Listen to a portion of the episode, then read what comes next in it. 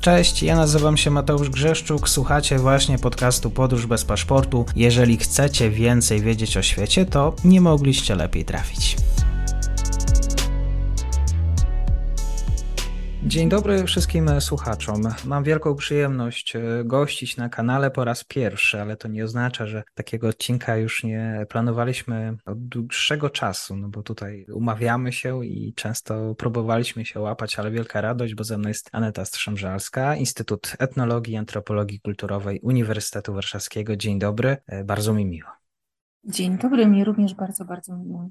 Pierwotnie mieliśmy rozmawiać o mm, azerskiej kulturze i jako tako można powiedzieć o Azerbejdżanie, który jest niezwykle ciekawy, ale wydaje mi się, że te nasze patrzenie na ten kraj, w szczególności na Kaukaz, e, jest bardzo ormiańsko-centryczne i zapominamy o, o tym, że jest ta druga strona, że jest Baku. W pewien sposób być może myślimy o tym Baku stereotypowo. Więcej informacji rzeczywiście w sieci da się znaleźć o Armenii, również e, z perspektywy tego konfliktu, który dzieje się w Górskim Karabachu, ale też nie tylko. Zastanawiam się, czy łatwo jest właściwie badaczowi Azerbejdżanu, tego regionu świata, być takim obiektywnym wobec tego, co się dzieje w tym kraju. Ja myślę, że się nie da być obiektywnym tak zupełnie, niezależnie czy się jest w Azerbejdżanie, czy się jest w Armenii, czy nawet gdy się jest w Gruzji, bo jednak przyjmujemy trochę stronę naszych rozmówców, gdzieś tam im współczujemy też. Ta kwestia emocjonalna jest tu bardzo silna. I oczywiście my jako uczeni powinniśmy być jak najbardziej obiektywni. Ja się na przykład bardzo staram, ale przyznaję szczerze, że mam też tutaj swoje e, słabe strony. A my jako Polska ogółem, chociaż może to nie jest takie fajne zaokrąglenie, ale, ale jednak jako Polska rzeczywiście gdzieś tam wspieramy bardziej Ormian niż Azerbejdżan. I ja też myślę, że że jest takim trochę wyznacznikiem tego, jak Armenia jest nam bliska, Azerbejdżan jest daleki, jest to, że my w ogóle o Azerbejdżanach mówimy Azerowie. Ja wiem, że to jest bardzo popularne, szczególnie w kulturze popularnej, bo w pracach naukowych terminu azer, azerski, język azerski raczej nie znajdziemy. Natomiast w mediach, w prasie popularno-naukowej tak właśnie się mówi. Jest to termin zupełnie niepoprawny. Nie wiem, czy mam wyjaśnić dlaczego, czy też nie, bo. bo bardzo proszę, bardzo proszę, bo ja ten sam e, błąd e, popełniłem, chociaż kilka razy też ktoś mnie poprawiał. Jaki azerbejdżański? Azerski, co ty mówisz? No, bo, e, bo, u nas, bo u nas mówi się azerski.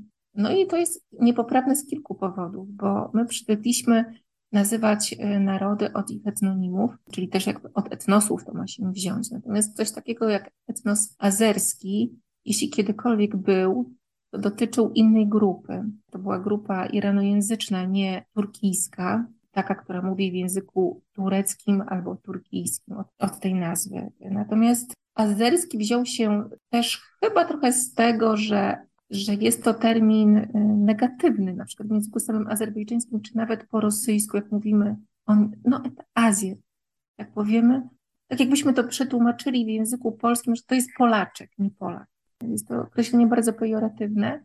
Nie wiem, czy dlatego się rozprzestrzeniło w języku polskim. Myślę, że to znaczenie tego Azer, że to jest negatywne określenie mm, osoby pochodzącej z Azerbejdżanu, myślę, że to jest jednak znane w Polsce, przynajmniej w tych kręgach, które jeżdżą na miejscu. I sami Azerbejdżanie, którzy są już w Polsce, przyzwyczaili się do tego terminu, ale jak z nimi rozmawiałam, to zawsze mówię, że na początku ich to troszeczkę wzdrygało, że ktoś ich tutaj obraża od razu. Więc to zdecydowanie jest y, ja mówię azerbejdżański. Są osoby, które też twierdzą, że Azer to jest tak w skrócie, bo ten azerbejdżański to jest tak trudno wypowiedzieć. No nie, no nie jest trudno. Oni się sami też zresztą nazywają, y, mówią o sobie Azerbejdżanie i później mogą wyjaśnić, że oni są na przykład lesbinami, tatami, tałyszami, awarami z Azerbejdżanu i tak dalej, i tak dalej. Natomiast no paszport mają azerbejdżański i o sobie mhm. mówią Azerbejdżanem. Czy, czy jest jakieś takie wytłumaczenie, że o Azerbejdżanie wiemy z natury mniej? Z czego to właściwie wynika? Braku badaczy na, że tak powiem, polskim rynku naukowym? Tego, że no nie każdy chce się zapuszczać w te regiony świata? Jakie jest wytłumaczenie? Ty też zapytałeś tam, czy jest łatwo robić badania na Azerbejdżanie. I to, to takie pytanie, to poprzednie łączy się też z tym pytaniem, bo jest bardzo trudno robić badania na na, w Azerbejdżanie z przynajmniej było bardzo trudno, gdy ja je robiłam. Ja zaczynałam program studiów doktoranckich w 12 roku i zaczęłam tam spędzać więcej czasu w roku 13-14 i to był okres, kiedy prawie już nie było tam obcokrajowców. W tym sensie mediów zagranicznych, grantów zagranicznych. Było bardzo trudno otrzymać wizę. Trzeba było mieć zaproszenie. Można to było robić przez firmy mm, zewnętrzne, albo jeżeli nie chciało się płacić stosunkowo dużych pieniędzy, no to trzeba było poprosić kogoś o takie zaproszenie. Je wystawiało y, również MSZ, trzeba było specjalną aplikację złożyć, pójść do urzędu. To nie było takie łatwe. Nie było też bezpośrednich lotów, teraz są bezpośrednie loty i to wszystko się na siebie nakładało. Po pierwsze właśnie trudności wizowe, które były podyktowane szerszą polityką państwową, która myślę, że w tamtych czasach nie bardzo chciała mieć wielu obcokrajowców, szczególnie tych, którzy byli niezależni, duża cenzura, no i utrudniony tym samym wjazd. Poza tym ceny w Azerbejdżanie. Teraz troszeczkę się zrobiło taniej dla nas, bo też manat zrobił się dużo tańszy w porównaniu z tym okresem, kiedy ja tam robiłam moje najdłuższe odcinki badań, czyli właśnie 14, 15, 16 rok. Wtedy było bardzo drogo. Właśnie w 14, 15 roku, jak pamiętam, jeździłam, no to na przykład herbata kosztowała 5 manatów, czyli takie trochę ponad 5 euro.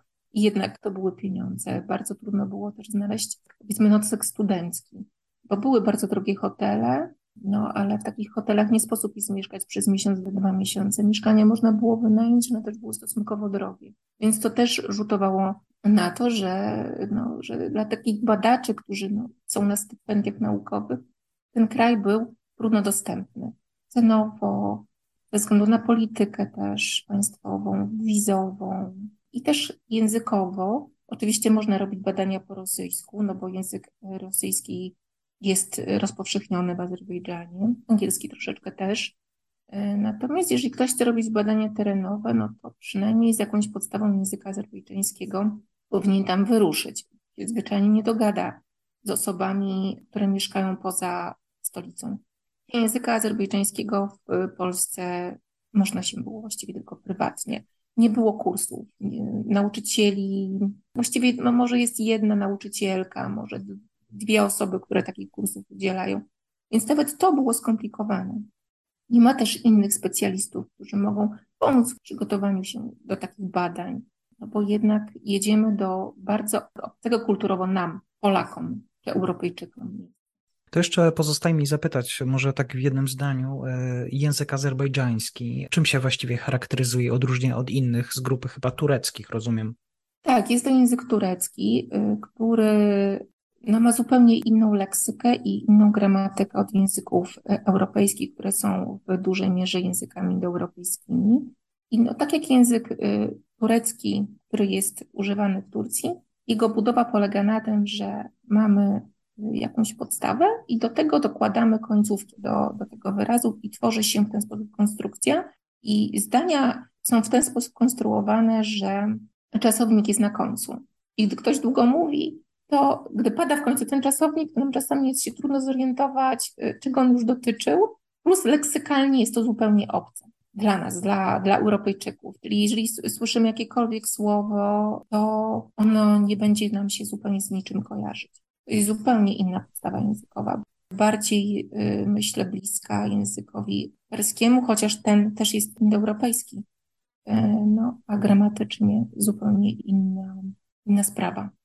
Jak ktoś zaczyna uczyć tego języka, no to na pewno to jest problem w języku azerbejdżańskim w odróżnieniu do języka tureckiego.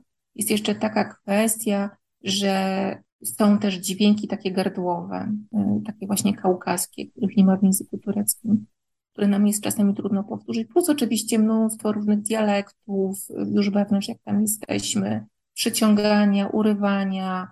Ten język y, literacki jest jednak stosunkowo rzadko używany, raczej są to dialekty, gdy już tam jesteśmy na miejscu. No i dla takiego, dla takiej osoby jak ja na przykład, obcokrajowca, który uczy się tego języka, jest to trudne, no bo niby zna te słowa, ale nie do końca potrafi je, je rozpoznać zróżnicowanie językowe tam na miejscu jednak jest całkiem spore, szczególnie regionalne, ale też w samym Baku. Rozumiem, że sam język jest kluczowy, jeżeli chodzi o kulturę Azerbejdżanu, na nim się opiera. Y, właśnie i o tę chciałem kulturę zapytać, jak się tworzy w języku azerbejdżańskim? Jakie, nazwijmy to, bo będziemy trochę pracować dzisiaj u podstaw i zadam bardzo takich kilka dosyć łatwych dla badacza, ale nieznanych kwestii dla słuchacza. Kultura azerbejdżańska, właściwie czym się charakteryzuje? Czy jest jakiś dominujący motyw? Kultura azerbejdżańska, czyli co? Tak trudno jest właśnie określić w jednym zdaniu, co to jest ta kultura, no bo kultura to, to jest cały taki pakiet, który dostajemy. To nie jest tylko język. Zresztą y, w Azerbejdżanie jest to tyle ciekawe. To, że ktoś mówi językiem azerbejdżańskim, nie jest wyznacznikiem jego tożsamości narodowej. I sam język niekoniecznie będzie określać jego tożsamość narodową, bo na przykład mogą być Azerbejdżanie, którzy są rosyjskojęzyczni, i to są osoby z wyższej klasy społecznej, które mówią w domu i w ogóle ich językiem pierwszym jest język rosyjski i oni wcale nie mają tożsamości rosyjskiej, a wręcz przeciwnie, bardzo często są negatywnie nastawieni do Rosji, a zwłaszcza teraz, gdy trwa wojna y, na Ukrainie. Ja myślę, że to też jest taką dosyć ciekawą sprawą, bo, no bo nam by się wydawało, że jak ktoś jest rosyjskojęzyczny, no to jest prorosyjski, a, a tam to nie działa. Też jest dużo innych języków na, na miejscu. Oczywiście prawie wszyscy znają język azerbejdżański już teraz, ale na przykład 20 y, parę lat temu, gdy się tylko ten Związek y, Radziecki rozpadł, no to osoby, które, y, no ja się najbardziej zajmowałam muzyką, no i te osoby, które na przykład były kompozytorami, wykładowcami, muzykami, zresztą bardzo dobrej klasy, były wykształcone właśnie za granicą, między innymi w Moskwie, w Petersburgu. Te osoby nie mówiły w języku azerbejdżańskim. Do dzisiaj zresztą mają kompleks na tym punkcie i gdy są wystąpienia publiczne, no to oni wolą mówić po rosyjsku, bo, bo po rosyjsku mówią biegle, a po azerbejdżańsku robią błędy i ktoś im te błędy wytyka. I to nie dotyczy tylko tego typu osób, ale na przykład dotyczy to nawet samego prezydenta Azerbejdżanu, który też po azerbejdżańsku mówi w dosyć specyficzny sposób. On oczywiście się nauczył już tego języka i, i, i mówi, że po azerbejdżańsku. Natomiast troszeczkę tak jak obcokrajowiec ma gdzieś wyraźnie artykułuje, nie tak jak native. Ja na przykład uczyłam się pierwszych moich zdań, e, słucham, to na przykład mi nauczyciele włączali jego przemowę nie dlatego, że go specjalnie cenili, tylko dlatego, że on mówił wyraźnie trochę tak jak obcokrajowiec, chociaż nie do końca obcokrajowiec. I to było wyraźnie artykułowane, mi było łatwiej rozróżnić słowo. Więc mamy tę sytuację językową bardzo skomplikowaną na miejscu, zarówno w kwestii samego języka azerbejdżańskiego, jak też w kwestii innych języków, które są używane, bo są mniejszości. I tych mniejszości jest wiele w Azerbejdżanie. Na północy mamy, y, mamy Lezginów z językiem lezgińskim, czyli językiem kaukaskim. Tam jest, oprócz lezginów są też takie wsie jak na przykład Hynaly i nawet niektórzy mówią, że jest etnos hynalyski i też język taki trochę odrębny. To jest taka wieś odizolowana, y, wysoko w górach. Teraz do niej można dojechać łatwo, bo zrobiono drogę mm, z miasta Guby, jakieś 60 kilometrów. To są takie serpentyny, bo tam się jeszcze rzeczywiście wysoko. I oni też mają swoje języki, tam są inne wsie też porozsiewane wokół, każda z nich gdzieś tam na jakiejś górze usytuowana i każda ma, y, charakteryzuje się trochę innym językiem z tej samej grupy języków kaukaskich. Pojedziemy trochę dalej na zachód, ale też z północnej strony jest na przykład wieś Lachycz i mieszkają tam Tatowie. I mówią w języku nie irańskim, tylko tackim, ale no z grupy języków irańskich nie tureckich, zupełnie inna sprawa. Nie dam, jeżeli nie, nie znamy tego języka, jesteśmy na przykład Azerbejdżaninem, azerbejdżanojęzycznym, to nie zrozumiemy właściwie ani słowa. Pojedziemy dalej, są Awarowie i tych grup na północy, czyli na tym łańcuchu Wysokiego Kaukazu jest kilka. Jedziemy na południe, też to się zaczyna mieszać. No oczywiście są też jeszcze Żydzi kaukascy, którzy no, sam Azerbejdżanie najczęściej mówią, jak sami się nazywają na Farsi albo po tacku, to też są języki z grupy języków irańskich. Więc to jest bardzo wymieszane. Mhm. Tych języków jest wiele, każdy ma swoją charakterystykę. Chciałbym zatem wrócić jeszcze, bo tutaj poruszyłaś te kwestie językowe, ale właśnie jeszcze tą azerbejdżańską, tym razem powiem, kulturę, bo język językiem, jakbym cię mógł poprosić o rozszerzenie. Ale ogólnie kulturę, czy, czy kulturę na przykład muzyczną, bo kwestia y, religii też jest część kultury, kulinaria i tak dalej. No, jest ileś tych rzeczy. Przede wszystkim porozmawiajmy być może o tej muzyce, która jest tobie, e, tobie bliska. W pewien sposób też te motywy muzyczne, też przekonujemy się o tym na wschodzie, na Ukrainie, odgrywają bardzo dzisiaj dużą rolę, więc no właśnie, kultura azerbejdżańska w wersji dźwiękowej. Z mojej perspektywy, jak ja zaczęłam, patrzyłam na kulturę w taki sposób, żebym mogła z, przy jej pomocy opisać tożsamość Azerbejdżan tożsamość narodową przede wszystkim. W związku z tym patrzyłam y, na te gatunki, które właśnie będą mi mówiły, kim są właściwie Azerbejdżanie i co to znaczy dla nich być Azerbejdżaninem. I ja wychodzę z założenia, że właściwie każdy, każdy taki gatunek mówi nam coś o narodzie. Czy to będzie Polska i Polak, y, czy to będzie Azerbejdżanin. I Zaczęłam badać kulturę azerbejdżańską od chyba najbardziej niszowego i jednocześnie dosyć popularnego gatunku muzycznego, jakim jest mejhana. Niszowego w tym sensie, że jest popularny wśród warstw społecznych, które nie są specjalnie wysokie. Są to raczej osoby z tych niższych klas społecznych, bardzo często poza dużych centrów czyli raczej nie Baku, tylko wsie. I właśnie Mejhana wydała mi się bardzo ciekawa, bo pokazywała kulturę na poziomie, kulturę azerbejdżańską, lokalną, na poziomie dalekim, tak mi się przynajmniej wydawało, od kwestii państwowych, takich oficjalnych. Mejhana to są takie walki na słowa. Ma to swoją lokalną charakterystykę. To wygląda w ten sposób, że jest grupa ludzi, bo to, bo to może wykonywać jedna osoba, ale z reguły wykonuje się mejhanę przez kilka grup. Jest osoba, która trochę kieruje jakby tym całym procesem i rzuca temat. Ten temat nazywa się gafie. Ten temat określa, czy to jest fraza, która określa temat, w podstawie którego my będziemy toczyć te walki na słowa, bo mejhana to są właśnie takie walki na słowa, podobne trochę do rapu. Uczestnicy po kolei wypowiadają po jednej zwrotce. Pomiędzy tymi zwrotkami jest to właśnie gafie, który, który, też sobie, który też jest powtarzany. I w ten sposób żartują na tematy bieżące polityczne, na jakieś kwestie społeczne. W związku z tym, że raczej ta twórczość dotyczyła bardzo lokalnych społeczności, nie za dużych, zamieszkujących niewielkie wsie, oni bardzo często poruszali właśnie te tematy swoje, własne, im najbliższe z takiej, z takiej tak zwanej małej ojczyzny. Natomiast y, w pewnym momencie ten gatunek został odtwarzany też w telewizji. No ale w telewizji nie można mówić wszystkiego, to po pierwsze. Po drugie, mejhanaci, czyli wykonawcy mejhany, używali bardzo dużo brzydkich słów, przeklinali. Używali słów czy fraz niepoprawnych gramatycznie, E, z tego względu, żeby to się mieściło właśnie w tym konkretnym rytmie i żeby można było zrymować na końcu.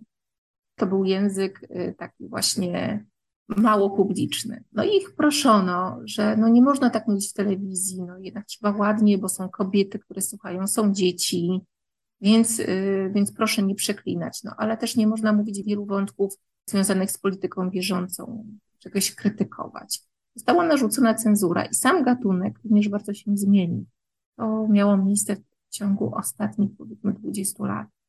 Ta Mejhana, która, która była gdzieś tam niszowo wykonywana, tak jak właśnie jeszcze te pierwsze improwizacje rapowe w Stanach, ona się zachowała w jakiś sposób w Azerbejdżanie, natomiast z drugiej strony Mejhana stała się właśnie czymś na wzór takiej popularnej kultury, którą można usłyszeć w radiu, w telewizji. Były takie bardzo popularne programy Mejhany, które y, miały olbrzymią oglądalność. Tam uzbierało się pół Azerbejdżanu i to było poniedziałki wieczorem, te najpopularniejsze godziny, chyba o dziewiątej czy o ósmej, nie pamiętam dokładnie i, i, i wtedy, jeżeli ja się chciałam z kimś skontaktować z niedużych miejscowości podbakińskich, na przykład zadzwonić do kogoś, żeby porozmawiać, to wiedziałam, że to nie jest ten czas, bo wszyscy są teraz przed telewizorem i słuchają moich energii.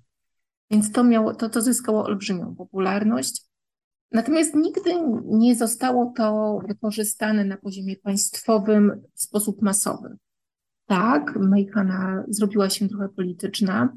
Były różne konteksty, na przykład na świętach y, narodowych proszono Mejhana ci, żeby wystąpili i też wykonali taką Mejhanę, która będzie na przykład wyrażać się pochlebnie o politykach albo o danym wydarzeniu, albo będzie podkreślać to, jak Azerbejdżan jest wspaniały, jak się tam dobrze żyje, jak się kraj fajnie rozwija i tak dalej, i tak dalej. Oczywiście były takie momenty, natomiast y, nie jest to gatunek taki stricte polityczny. Go nie udało się upolitycznić, chociażby ze względu na to, że Mejhana musi zawierać przekleństwa, ona musi być pikantna i to y, nie mieści się w ramach tego, co Azerbejdżanie chcą oglądać w telewizji.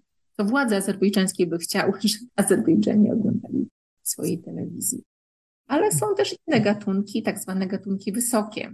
Ja w swoich badaniach skupiłam się na dwóch takich gatunkach. Jeden, jeden z nich to jest muam, czyli taka muzyka bliskowschodnia, uważana za muzykę właśnie mm, niemalże klasyczną Bliskiego Wschodu. Tak, bo rzeczywiście, żeby ją wykonywać, trzeba też odebrać y, dosyć dobre wykształcenie muzyczne.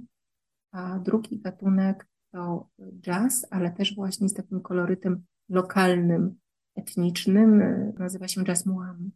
Wykonawcy jazz muamu generalnie otrzymywali wykształcenie też konserwatorium klasycznym y, bakińskim, czyli też mieli bardzo duże podstawy muzyki klasycznej. Powiedziałaś o tym, że no tutaj nie udało się rozpolitykować, o tak powiem, tego gatunku czyli opowieści y, o starciach ormiańsko-azerbejdżańskich raczej nie goszczą jako temat y, właśnie tych pieśni. I też, czy to, co się dzieje dzisiaj w Górskim Karabachu i nie tylko oczywiście, jest jakimś takim mm, motywem przewodnim dla lokalnych artystów, dla lokalnych twórców, którzy no, w pewien sposób też y, no, chcą budować to poczucie dumy narodowej, budować tożsamość. To znaczy, czy Azerbejdżanie budują na tym i to jest jakiś dla nich e, no, kamień węgielny pod coś, co właśnie w przyszłości może zagrać. No i tutaj oddaję głos. E, wojna karabachska jednak stała się motywem przewodnim właściwie każdej sfery kultury w Azerbejdżanie, bo jednak mocno zdeterminowała życie, życie mieszkańców Azerbejdżanu. I jeszcze tak mniej więcej do 2016 roku można byłoby myśleć, że wojna odeszła w cień. Zresztą to był też taki okres do 2016 roku, kiedy mówiło się o wojnie w Karabachu jako o zamrożonym konflikcie wojennym. Natomiast w 16 roku, w kwietniu, miało miejsce takie wzmożenie, wojna czterodniowa, które może nie zmieniło granic za bardzo, ale Azerbejdżanom, Azerbejdżanie wtedy zajęli kilka niedużych wzgórz. I miało to znaczenie symboliczne, bo oni zapisali się w historii do tego 2016 roku jako armia, która przegrała. A 16 rok dał im zwrot. Oni pokazali, czy sobie sami udowodnili, że oni mogą y, wywalczyć, siłą odebrać Azerbejdżanom te ziemie, które uważają za swoje. I od 2016 roku wojna karabachska odżyła na nowo i weszła właściwie do każdej sfery kultury. Azerbejdżanie się do tej wojny przygotowywali w sensie militarnym i propagandowym na poziomie polityki y, zagranicznej, ale też polityki wewnętrznej. I gdy rozpoczęły się starcia w 20 roku, było bardzo mało osób, które publicznie krytykowały wojnę, karabachską i opowiadały się za pokojem z Ormianami. Takie osoby były, ale no też ze względów wewnętrznej polityki najczęściej opuszczały Azerbejdżan, bo nie byli tam do końca bezpieczni, ale nie tylko ze względu na samych polityków, ale też ze względu na stosunek innych ludzi, bo rzeczywiście to był zryw. Było olbrzymie poparcie. Wszystkie siły opozycyjne w Azerbejdżanie, czy to były siły polityczne świeckie, czy też siły religijne, też niemało ważne. W Azerbejdżanie na przykład liderzy szyiccy, którzy generalnie są w konflikcie z, albo nie, niespecjalnie się lubią. Może konflikt to nie jest dobre słowo, ale niespecjalnie się lubią z oficjalnym rządem azerbejdżańskim, czy władzami azerbejdżańskimi, bo to chyba lepsze słowo niż rząd. Niespecjalnie się lubią, natomiast tutaj też tę wojnę wsparli. I to było też takie znamienne, kiedy osoby krytykujące azerbejdżańskie władze w Azerbejdżanie w momencie wybuchu tej wojny wspierali swojego prezydenta i jego zaplecze. Dla Azerbejdżan było to bardzo ważne i oni, no szczególnie te dwa lata, to jest rzeczywiście produkcja wszelkiego rodzaju kultury narodowej, która wojnę karabaską stawia w centrum i wokół niej y, konstruuje tożsamość narodową. I takim świetnym przykładem są na przykład liczne festiwale muzyczne. Jeden z takich największych festiwali muzycznych odbywa się w mieście Szusza. Szusza, czyli dla Azerbejdżan stolica Karabachu, nazwana również stolicą kulturalną Azerbejdżanu. Jakby Azerbejdżan ma dwie, dwie stolice. Jedna to jest ta w Baku, ta główna stolica kulturalna Azerbejdżanu, czyli kultura azerbejdżańskiej, kolebka kultury azerbejdżańskiej, tak jak to mm, przyjęto myśleć w Azerbejdżanie, znajduje się właśnie w Szusze. I tam w maju, mniej więcej w połowie maja, są organizowane festiwale muzyczne na bardzo wysokim y, poziomie, gdzie jest grana różnego rodzaju muzyka. Natomiast muzyka klasyczna z elementami muzyki mugam, plus muzyka lokalna, folklor lokalny, ale z różnych grup etnicznych azerbejdżańskich jest generalnie motywem przewodnim. Czyli to jest taka kultura no, raczej antagonizująca, może tak w pewien sposób, kultura w kontrze? Ten sam festiwal y, nie jest antagonizujący. Czyli festiwale muzyczne, czy koncerty, czy różne inne eventy muzyczne, one nie krytykują, one nie antagonizują nikogo. One wychwalają, czy robią to na chwałę, bo oni tak też używają tego, robią to na chwałę swojego narodu. I tam y, nie ma dyskusji o tym, że ach, muzyka Ormian jest gorsza, my jesteśmy lepsi, no bo generalnie są też takie dyskusje i dyskursy. Nie, oni generalnie skupiają się na tym, co dla nich jest ważne i to ma bardzo też duże poparcie zwykłych ludzi, bo oni swoją kulturę y, muzyczną y, bardzo lubią i są niezwykle muzykalni. To dociera w taki dosyć naturalny sposób do dużej części mieszkańców Azerbejdżan. Oni rzeczywiście się z tym utożsamiają, bo to są części ich kultury. Do tego na przykład taki festiwal w Szusze ma inną oprawę. Są też na przykład jakieś stanowiska z mm, jedzeniem, z potrawami narodowymi. Trochę jest rzeźby, trochę jest malarstwa. Jest taki miszmasz, jak to na wielu innych tego typu eventach, festynach. Ma to oprawę również wizualną. I oni się z tym po prostu utożsamiają, tak jak my się też będziemy z tym utożsamiać jako Polacy. No, dla nas jakieś potrawy narodowe dla kogoś może są bardzo ważne. Jeżeli weźmiemy sobie Kaszubów, no to może się okazać, że ich kultura, ich język, ich muzyka są dla nich bardzo cenne, no bo oni są mniejszością w państwie polskim. Czyli na przykład jeżeli weźmiemy sobie górali, to pewnie ta, ta sytuacja będzie analogiczna. Natomiast w Azerbejdżanie rzeczywiście na tym buduje się naród, czyli naród buduje się właśnie na kulturze, która jest takim jednak naturalnym bogactwem y, Azerbejdżanu. Nie chcę rzeczywiście nikogo y, wychwalać, ale no ona jest bogata, naturalnie jest bogata. To wynika po prostu, tak jak już mówiliśmy, z kwestii językowych, z tego, że rzeczywiście etnicznie ziemie Azerbejdżanu y, były różnorodne. Tego się dużo nazbierało wewnętrznie każdy z tych małych grup, tych mniejszości coś dodaje. Takim też bogactwem na pewno jest też kwestia religii, bo też jest różnorodnie. No, Azerbejdżanie są rzeczywiście w dużej mierze e, muzułmanami, ale islam azerbejdżański też nie jest jednorodny, bo i są i szyici, i sunici, i też są salafici, którzy jednak trochę różnią się od e, sunitów, tych tradycyjnych a wewnętrzni szyici też dzielą się na grupy, też mają swoich własnych liderów, jest bardzo dużo grup. na pierwszy rzut oka nie różnią się, ale, ale oni wewnętrznie y, rozróżniają się. Do tego y, są też inne konfesje. No właśnie są, są Żydzi, y, jest trochę osób prawosławnych, są katolicy, no właściwie nawet są Bahai.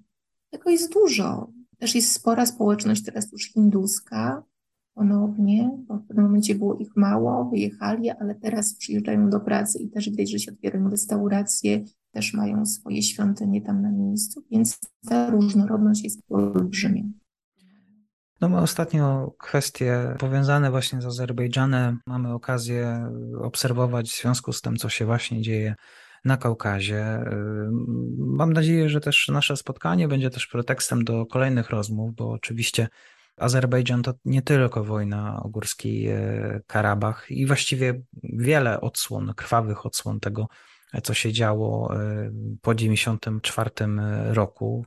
Bardzo dziękuję w takim razie za dzisiejsze spotkanie. Też wszystkich słuchaczy zachęcam do tego, żeby zostawić swój komentarz, może pytanie, które też będzie odpowiesz na, na, na wskazane i też e, być może też nieco przybliżymy i trochę można powiedzieć odczarujemy ten kraj w jakiejś takiej percepcji polskiej przestrzeni.